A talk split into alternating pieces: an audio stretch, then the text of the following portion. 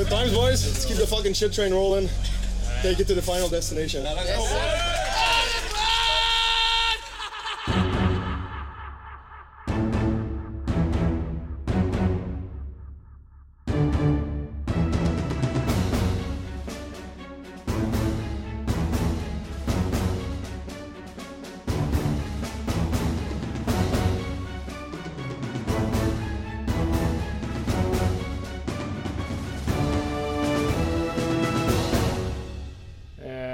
Viktor. Seriepremiär i veckan, onsdag. Eh, tack för att du ställer upp. Vi har precis gått förbi omklädningsrummet, lugnt och skönt. Eh, och det är väldigt mycket historia som andas i väggarna. Eh, man känner det nästan bara när man är inne här. Hur är det att vara tränare i Björklöven? Eh, ja, hur ska man förklara det med kortfattat? Eh, ganska svårt. Men jag är extremt stolt över att få eh, vara en del av en sån här anrik stor klubb som du pratar om. Med extremt mycket sympatisörer för klubben. Med, både i Umeå men också i Sverige som stort. Det är ju, man märker, så fort man fick det uppdraget så märker man hur pass stort Björklöven faktiskt är. Även om man visste innan att det var stort så märks det än tydligare när man väl får den här positionen. Jag har nämnt några gånger tidigare att eh, jag har ju sagt i någon intervju, jag tror det var 2017 eller 2018, så sa jag att eh, jag fick en fråga vad mitt drömjobb skulle vara. Då sa jag att det var att vara huvudtränare i Björklöven. Eh, och nu är jag det. Så jag är extremt glad över att få den här möjligheten och det känns stort. Absolut. Ja, det är kul. Vi är glada att du är här. Du har precis haft en dragning på Bullens på restaurangen inför förväntansfulla fans. Hur skulle du beskriva suget på Björklöven i Umeå just nu? Man känner att det är ett stort, eh, stora förhoppningar. Eh, med all rätt så har man också stora förväntningar. Eh, jag tycker att vi, man, man känner liksom, det snackas lite och när man går på stan så stannar folken och pratar. Och, så att det, just nu så är det nog, skulle man ta temperaturen så är vi uppe på 40-41 grader tror jag. Det är väldigt hett just nu. Det är bra bastutemperatur. Ja, lagom. Ja.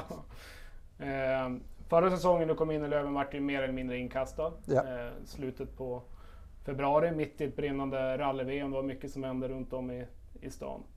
Eh, personligen var jag ute på någon sträcka någonstans utanför Sävar och frös och liksom nåddes av nyheten att du, du kommer hit. Eh, det känns som det var länge sedan men det är inte mycket mer än ett halvår.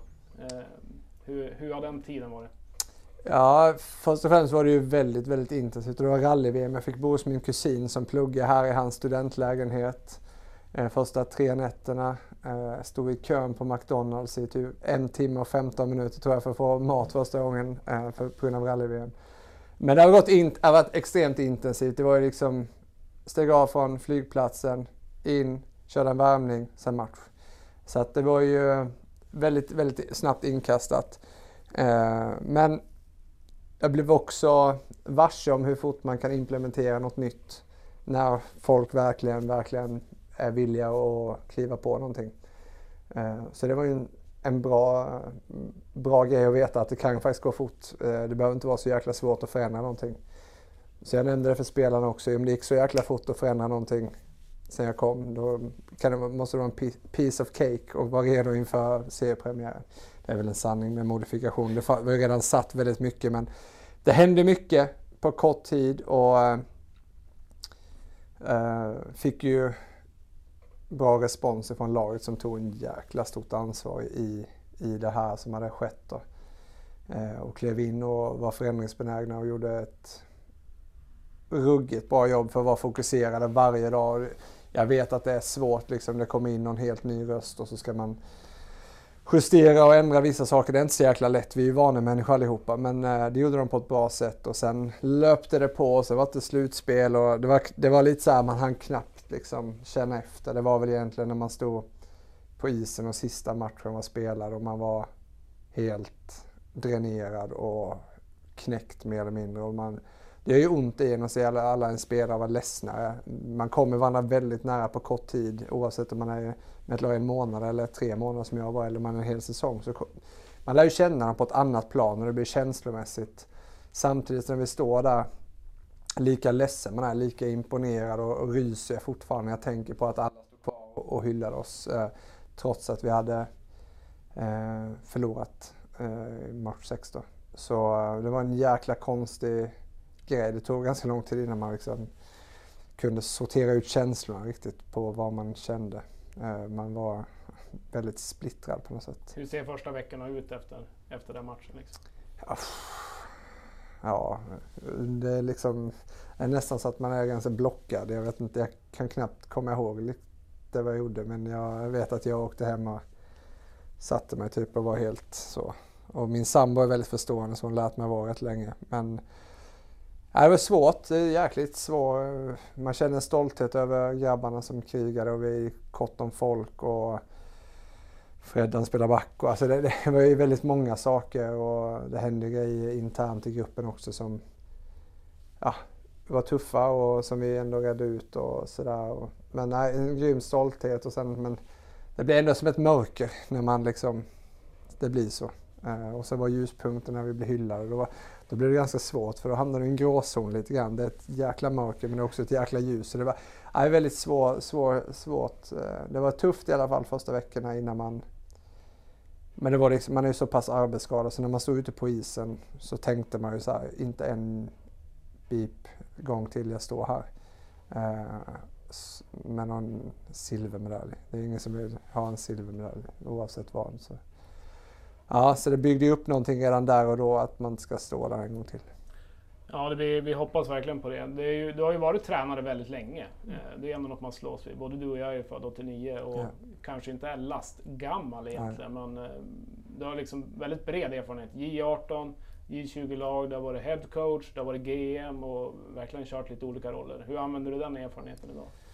Men jag tror att, jag tror att det är en eh, styrkan i det att jag när jag började vara tränare så hade jag fick göra allt. Jag startade ett hockeygymnasium samtidigt som jag var J18, J20-tränare, assisterande i A-laget i ettan.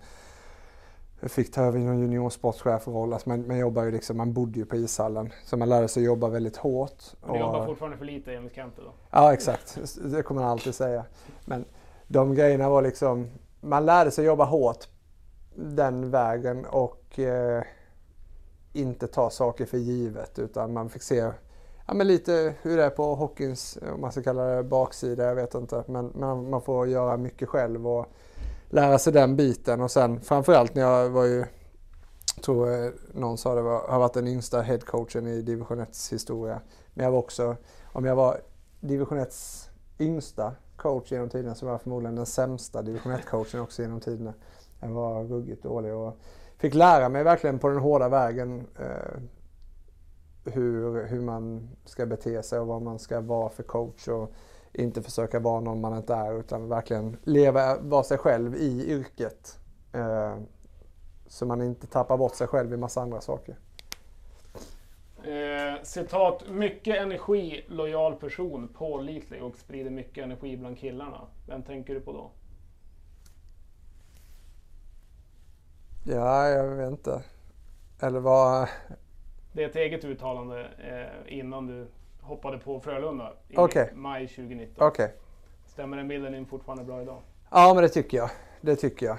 Jag, jag är väl den typen av människa som vill sprida en jäkla massa energi och vara både lojal och, och eh, jobba väldigt, väldigt hårt eh, med stort engagemang. Det, det är den, den människa jag är både på och utanför isen skulle jag säga. Eh, när du var i Frölunda så hade du en förlängning på kontraktet där, två år. Eh, valde att lämna själv efter ett år eh, av ja, personliga skäl helt enkelt. Sen Brynäs eh, och där vart det ju ja, mer eller mindre sparken då. Eh, om, om man ska ja, prata, är, prata klartext. Det är klartext. Eh, och sen efter det ett sabbatsår kan man säga, ett år mm. eller reflek reflektionsår eller hur man nu vill se mm. det.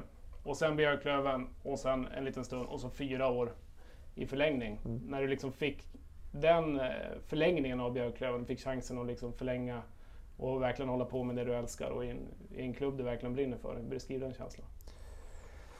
Ja, eh, väldigt eh, glad över att få den möjligheten och det, det kvittot på något sätt som det blir ändå för, för en själv att få en så pass lång, lång anställning i en, i en så här pass stor och välfungerande och väloljad organisation. Så eh, klart som tusen att man känner en enorm glädje och stolthet över att få vara en del av Björklöven i kommande fyra år. Så att, det var ju en ren och skär eh, glädje givetvis för min sida. Och det kändes, jag hade aldrig skrivit på heller om inte det hade känts rätt för alla parter. Utan, eh, vi var, jag, jobbar bra ihop med Per och med Robban och Stefan och eh, folk på kontoret och Björn och allihopa. Så att, eh, jag tycker alla, liksom, det är väldigt väloljat. Vi har jättefina materialare och läkarteam och fysios och allting. Så att, hade inte det känts rätt alla de bitarna eller jag hade känt att det inte hade fungerat uppe på kontor. Alltså, man väger in allting och sen ska man trivas i en stad. Och, Eh, hade inte det känts som att det hade kunnat bli en bra match då hade jag aldrig skrivit på så långt avtal. Utan jag känner verkligen att det var eh, bästa som kunde hända mig. Och jag hoppas att det är det bästa som kan hända Björklöven också. Det tror vi absolut. Eh, något som jag uppfattar utifrån Eh, när man ser på dig och liksom hur du hanterar att du, du är en klassisk nörd när det kommer till ishockey. Du älskar ishockey och liksom äter, sover, skiter i ishockey. Sitter uppe mitt i natten och liksom kollar igenom video och, och alla de grejerna. Det krävs ju engagemang om man ska göra det.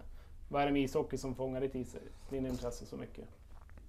Ja, men, först och främst har jag hållit på med hockey. Enda gången jag haft uppehåll var när jag fick sparken från Brynäs som var väldigt nyttigt för mig också att kunna reflektera över saker och ting. Men jag har ju hållit på med hockey och jag tycker att det är en fantastisk idrott. En, en kampsport med, där det går snabbt och det är mycket action. Men det jag kanske mest brinner för är egentligen det här att få se människor utvecklas och bli bättre både på ett personligt plan och som människa men också som hockeyspelare och se att folk tar steg och blir bättre och att eh, man kan hjälpa eh, folk och se den här dynamiken i ett lag hur man Eh, Eh, hur man kan träffa rätt ibland och hur inte och liksom hur ska jag göra för att maximera möjligheterna för att få det här laget att komma snabbt ihop och hur behöver jag skruva på han för att han ska bli lite bättre där.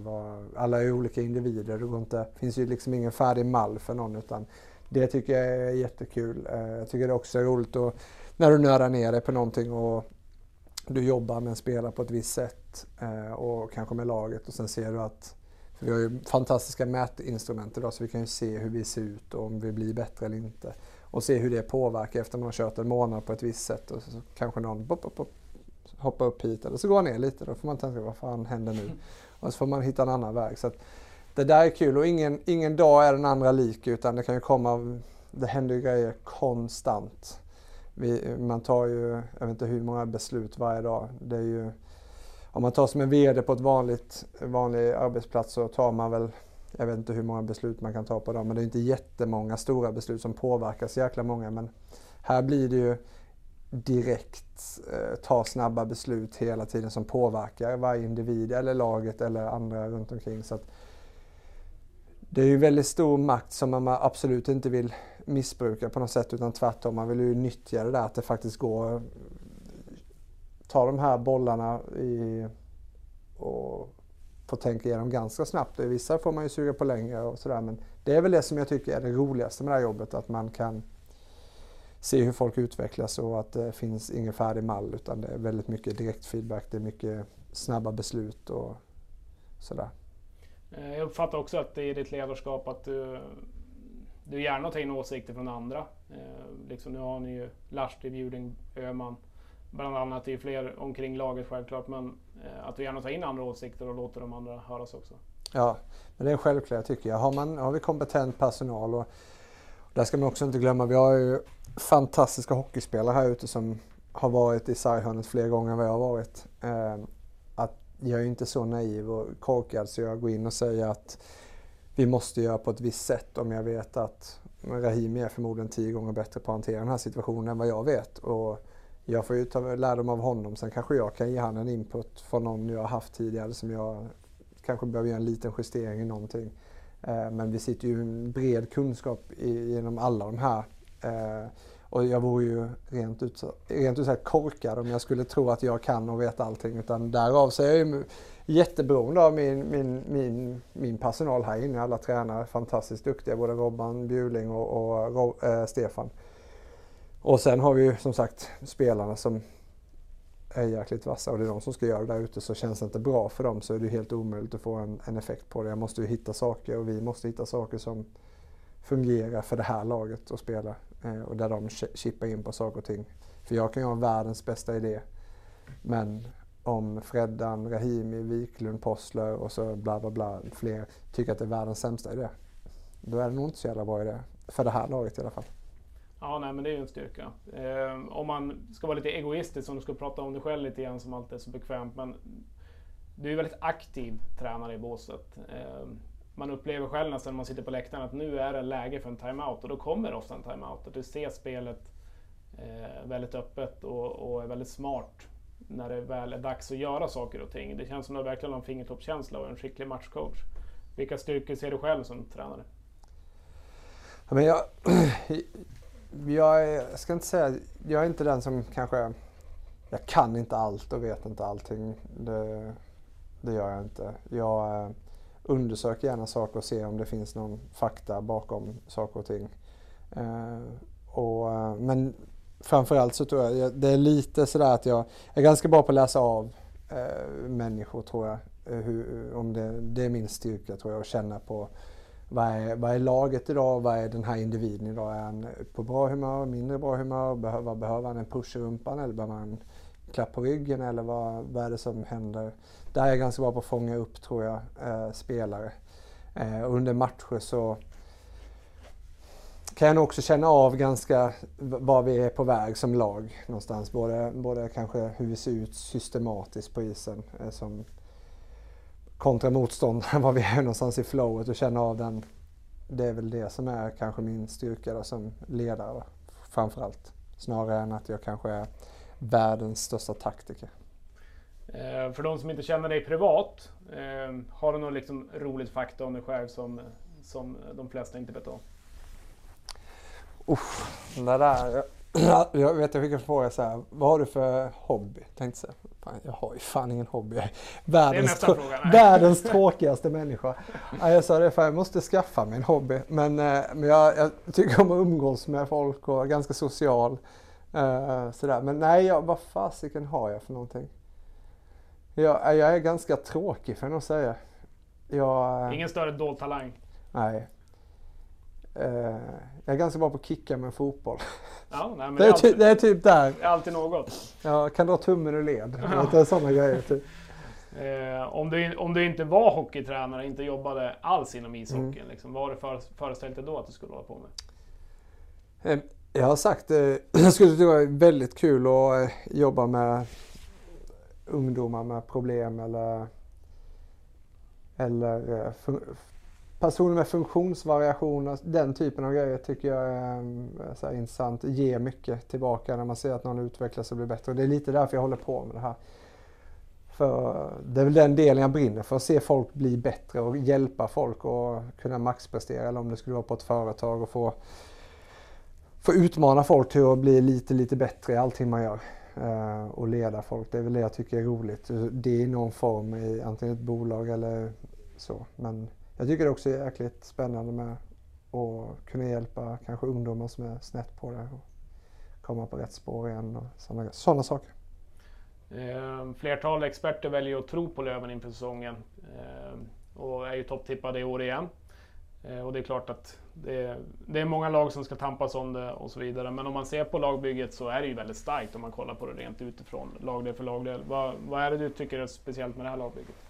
Ja, men jag tycker vi har ju en eh, rejäl bredd på, om vi börjar egentligen, en målvaktssituation där det är konkurrens. Där tror jag att, eh, nu, nu är det för tidigt att svara om Diorio, men han, han, ser intressant ut. Jag tror att det kommer bli en kamp däremellan. Vi har också Melker Thelin som är tätt bakom som ju var fantastisk på försäsongen, ung kille. Rapport att han är väldigt bra på träningen också. Ja, han är, ja, han är vass den pojken. Så det är kul att det kommer en från egna ledet också underifrån och är med och konkurrerar där. Sen har vi ju en jäkla massa backar Eh, där det inte är superlätt att plocka ut eh, de sex bästa eller fem bästa eller fyra bästa utan det är ganska jämnt skägg och tajt. Och, eh, vilket eh, givetvis eh, ställer höga krav både på spelarna som individer att hela tiden vara på tårna. Eh, men också upp till oss coacher att kunna fånga upp och, och se till så att vi spelar de som är bäst för just den dagen hela tiden. Hur hanterar ni liksom spel, speltiden där under säsongen och de bitarna? Det är ju, ja. Kollar man igenom truppen så är det nästan alla går in på topp 6. Ja, eh, och det, är ju, det kommer ju vara ett levande dokument det där. Utan Jag, jag, tror att jag hade varit ganska dålig coach om jag hade bestämt nu att den och den och den och den och den kommer vara med tanke på att det är så jämnt. Eh, det är verkligen så pass jämnt så att jag, jag väljer att passa på den på, på någon vänster för att jag tycker att det är så pass levande. Det skulle kunna vara vem som helst som sitter utanför och vem som helst som spelar 20 minuter. Eller. Men det jag kan konstatera är väl att vi kommer försöka nyttja så mycket folk som möjligt när vi spelar matcher för att det ska, dels för att det ska slita så lite som möjligt under grundsäsongen. Det är ju väldigt många matcher. Så i den mån vi kan så ska vi försöka spela på så mycket folk som möjligt så vi fördelar ut istiden. Eh, fördelen också med att ha många det är att har vi de eh, som har en skada som eh, gör att ja, men, skulle han spela nu så blir han borta fyra veckor med vila så räcker det med två veckor. Då har man den möjligheten att faktiskt kunna sätta av någon och låta dem läka i den takt det krävs istället för att forcera fram någonting som man ofta får göra för det är, så, det är så den här branschen funkar. Vi behöver ju ha folk ute på isen. Eh, men det är ju lyxen med det. Forwardsidan, egentligen samma sak. Vi har ju väldigt många, till exempel powerplay-spelare. Väldigt många som vill spela powerplay. Eh, alla kommer inte få spela powerplay. Eh, och det är ju en sån grej som också pröva mitt ledarskap och pröva killarnas karaktär. Vad händer när man inte får spela powerplay så som man själv tycker man är byxad för att spela powerplay? För så kommer det vara i vårt lag, det är ju bara att vara ärlig. Även på backsidan. Eh, och det är ju ett karaktärstest eh, som inte heter duga. Eh, och liksom kunna ändå jobba på och visa att jag förtjänar den där jävla platsen. Och tycka att jag gör fel som inte tar ut det till powerplay. Eh, och den, den, den hoppas jag att vi har här inne och om inte annat så kommer vi bli varse om att vi behöver vara den typen av människa och ge, se, se till lagets bästa. Utan att avslöja för mycket rent speltekniskt så, men uh, powerplay var väl något som vacklade lite grann förra säsongen uh, och finns ju stor utvecklingspotential i det. Uh, hur vill ni spela powerplay? Vi spelar en, en attack med, med, en hög attackmentalitet. Jag tycker att vi varit omständiga. Jag tycker att det blir för mycket. Vi ska göra si, vi ska göra så. så blir det, ska man hitta på nya lösningar så fort det går lite hacka, lite, lite hack i skivan. Istället för att bestämma att så här gör vi, precis som vi gör i 5 mot 5 spelet. Det här är vår målbild, så här vill vi se ut. Sen om det hackar på vägen, ja det tror fan att det gör. Vi, vi måste ju göra det fler repetitioner så att vi blir sylvassa på kanske två, tre saker. Och blir du nog bra på det så kommer det alltid vara ett blad öppet. Om vi spelar 5 mot 4, spelar vi 5 mot 3 så är det alltid två blad öppna. Så kan vi bara sätta strukturen så har vi skickligheten, nog, nog med skicklighet för att kunna slå det avgörande spelet som krävs. Men att inte stressa fram saker eller Eh, hetsa. Och jag, eh, jag, vet att många tycker man ska skjuta, skjuta, skjuta, skjuta, skjuta, skjuta. Jag tycker också vi ska skjuta när vi har ett bra läge. Men vi måste också se till att bygga upp en egen identitet i powerplay så att det inte blir vi spelar på känsla. Eh, jag upplever att vi spelar ganska mycket på känsla i fjolåret. Och det, jag ser gärna att vi bygger upp någonting eh, som gör att vi blir kontinuerligt så vi har procent med oss, att vi har en sannolikhet att faktiskt göra mål. Även om inte vi gör mål, det kanske ser skit ut ett powerplay, men över tid så kommer det generera mål. Och så försöker vi jobba med allting och titta faktabaserat på vad, vad är en bra målchans? Ja, men här måste vi skjuta ifrån då, då måste det här hända. Okej, okay, hur ska vi komma hit då? Och då får ju spelarna vara med och prata om hur vi ska ta oss till den punkten, för jag vill ha ett skott härifrån. Och sen får vi bygga upp olika strukturer för att ta oss dit, men lite så jobbar vi väl. Eh, om man kollar på forwardsidan överlag så många pratar ju om backsidan att det är så stark och bred backsida. Men kollar man forwardsidan så är det ju otroligt många målskyttar i laget. Mm. Eh, vi har ju en väldigt bred forwardsida också tycker jag. Eh, hur ser du på forwardsidan? Ja, men det är ju det är, det är, precis som du säger, jag vet alla pratar om backenheten men kollar man på forwardsidan så är den också relativt bred får jag lov att säga. Det är ju en jäkla hög kvalitet på många spelare. Och det är klart att det, det, är precis samma princip att vi kan inte låsa oss fast vid att de här ska göra si eller de här ska spela så mycket, de här ska göra det här. Utan det får, det får visa sig över tid vad, vad det är som händer och sker och folk måste ju ta dem. De har ju betalt för en viss typ av sak och det gäller att leverera den. Eh, gör man inte det, nej, men då kanske man inte spelar eh, för en match eller två eller tre eller fyra eller fem eller vad det nu kan vara för någonting. Så att vi, vi gäller ju att ha en konkurrens men samtidigt så det är det som är svårt. Du måste bygga en trygghet samtidigt som du måste också visa att men nu har du inte presterat på ett tag. Ja, men då måste vi stoppa in någon annan som är, eh, kanske är het.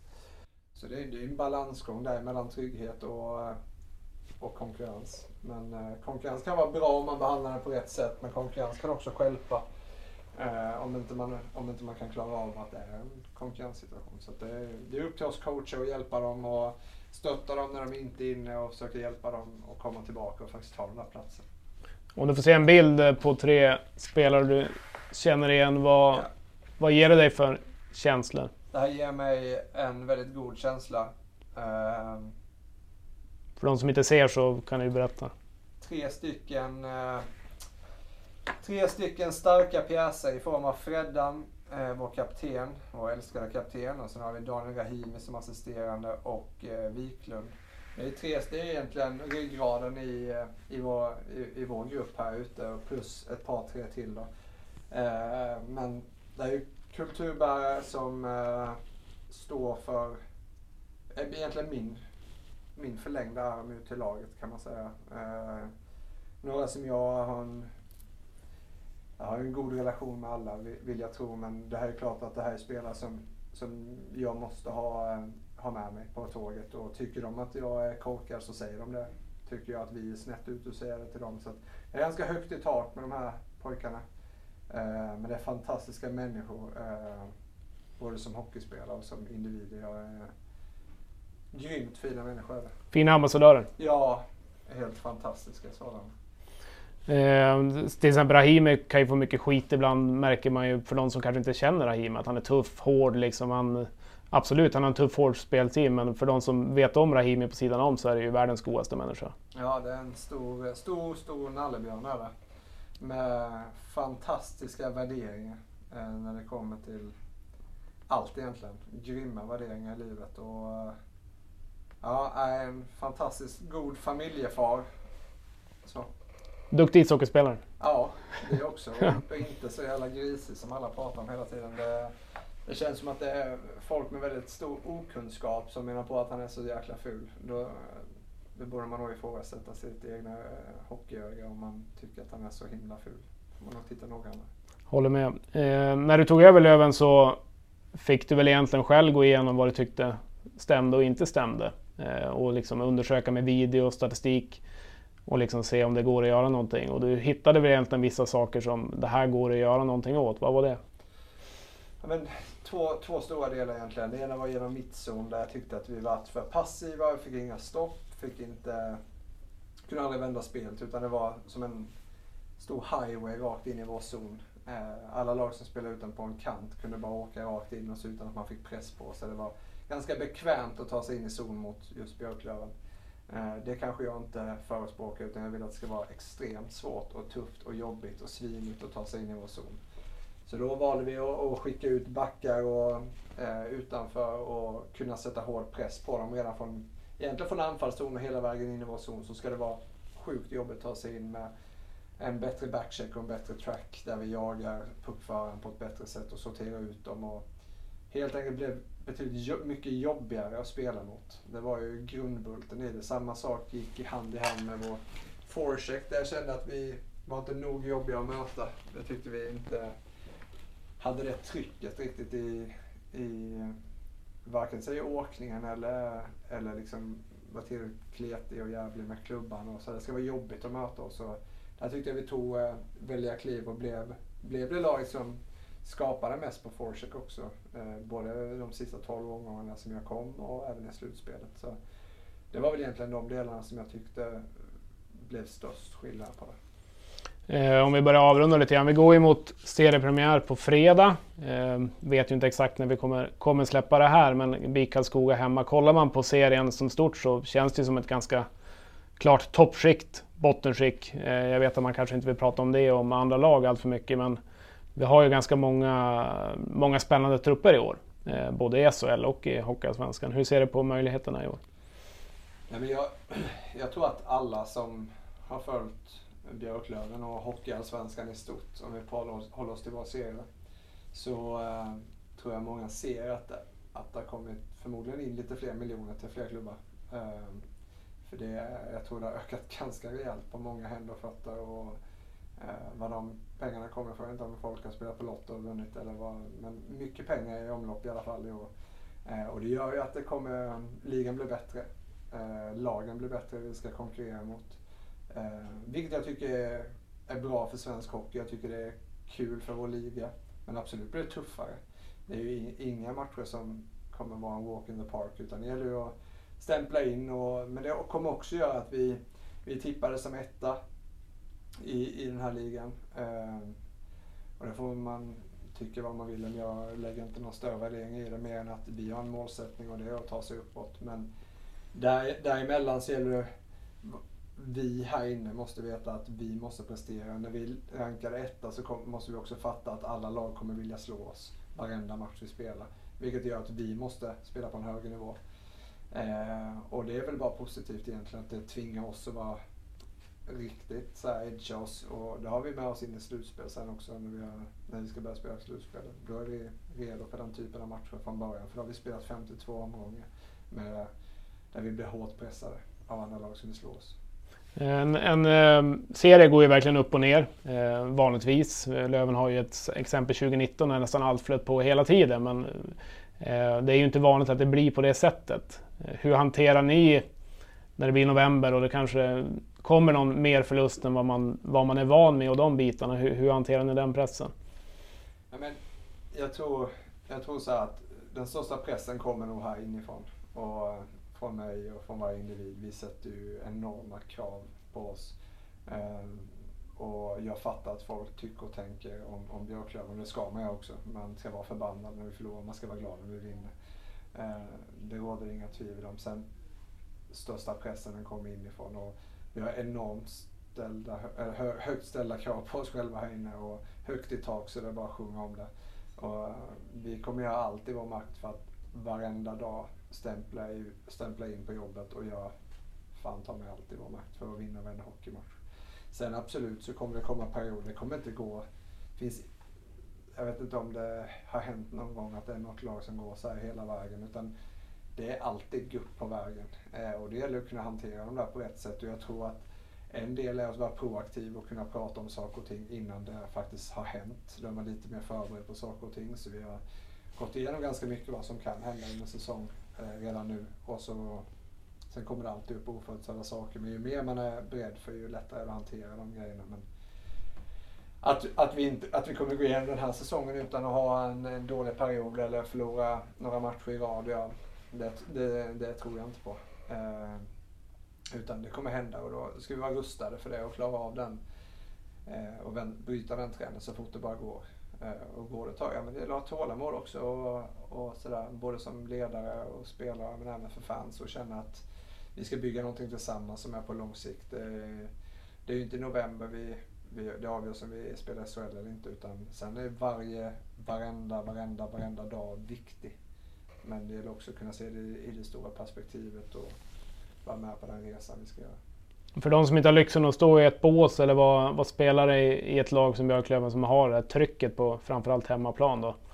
Eh, hur är det för dig när du kliver ut där när det är fullsatt? Ah, lika, det är, li, det också en stor del till varför man håller på med det. Jag nämnde inte det innan men det är också den här adrenalinet att komma ut igen. Det var därför den här covid-säsongen var ganska tråkig överlag. Sen just i den här hallen så är det ju ett rejält tryck när det är fullsatt här inne. Det är ju en av de häftigaste upplevelserna man kan ha. Att kliva ut och ut och få känna det där stödet och trycket och när vi gör mål och målsången kommer och man ser alla halsdukar uppe.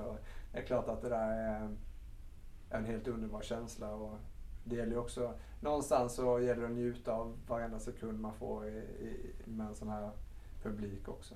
Så att, nej, häftig, häftig känsla varje gång man kliver ut. Det tror jag alla spelarna skriver under på också. Jag vet att jänkarna har frågat lite och jag vet när Nick kom hit så ska Scott, yeah, the fans are amazing here. Berättade han för dem. Så att, eh, eh, när de var här på Skellefteå-matchen och något jäkla trick så berättade han att det var helt insane. Så det, jag tror att många känner direkt att det är något speciellt som, som andas i den här hallen. Eh, sista frågan egentligen. Det är 8200 dagar ungefär sedan Björklöven tog steget upp eh, till elitserien då. Eh, hur, hur kittar den möjligheten att vara, vara den som, som hamnar i historieböckerna? Nej, men det, är väl, det är väl klart att det är en, eh, en vision och en målsättning som skulle väl, skulle, skulle vi, det infria sig så är det väl en eh, kanske största jag varit med om. och jag tror att många där ute också. och jag vet att när vi pratar om det så blir det lite så här kittlande när vi och jag tycker att det är en härlig spänning i, i ordet eh, SHL och få det här avancemanget. Och då tror jag också att mycket grundar sig att man vill... Jag känner själv också, jag har inte varit här jättelänge, men jag känner också hur stor passion det är utanför den här lilla bubblan vi är i, eller innanför de här väggarna, så känner man utanför hur pass mycket det betyder för stan och alla fans och alla som sympatiserar oavsett om man bor i Umeå. Så eh, väger det tungt och det är klart att det gör ju att man får den där extra lilla sporren. Och vi behöver ju varandra. Liksom. Vi, vi spelar ju som bäst när vi, när vi har haft fullsatt här, i alla fall under den tiden jag var här, när det är ett jäkla tryck här inne. Men då får vi den där extra, extra edgen i vårt spel och det är bara så. Det, det, det är svårt att förklara varför det blir så, men det blir så varenda gång och därför så vill man ju också att eh, man, man förstår att matcherna mot eh, men, kanske lag som inte kanske inte tippade högst upp. De, eller, poängen är värd exakt lika mycket mot de lagen. Vi behöver lika mycket stöd, lika mycket tryck alla de här matcherna. Och det tycker jag att, vad jag har förstått, så nu var inte jag här hela tiden, men under den, säsongen, den tiden jag var här så var det det trycket också, vilket hjälpte oss att vinna en jäkla massa matcher. Även att det var lag som kanske var tippade längre ner som hade en lägre tabellposition. Och det är nog viktigt att få den där känslan, och även för vår grupp, att fatta att tre poäng är tre poäng oavsett vilket motstånd vi har. Det är bara det att det kan vara olika, olika svårt att hitta, en, hitta liksom den där extra edgen. Men, och den får vi på hemmaplan. På bortaplan får vi skapa den på ett annat sätt. Är det något vi har missat Viktor? Jag, tror, jag kan ju prata i all vänlighet som jag har här. Så att jag, men jag, nej jag vet inte. Jag tror inte det. Jag ser fram emot säsongen. Jag tycker det ska bli sjukt kul att det drar igång. Det har varit alldeles för lång försäsong till att börja med. Så nu är man redo. Ja, den har fått kritik i alla fall, att det är för lång försäsong. Ja, fan den var väldigt lång. Så jag hoppas att vi, eh, vi kan städa av det där nu och så trycka igång här och börja spela lite hockeymatch med lite poäng så man får lite puls igen. Tack Viktor. Tack snälla.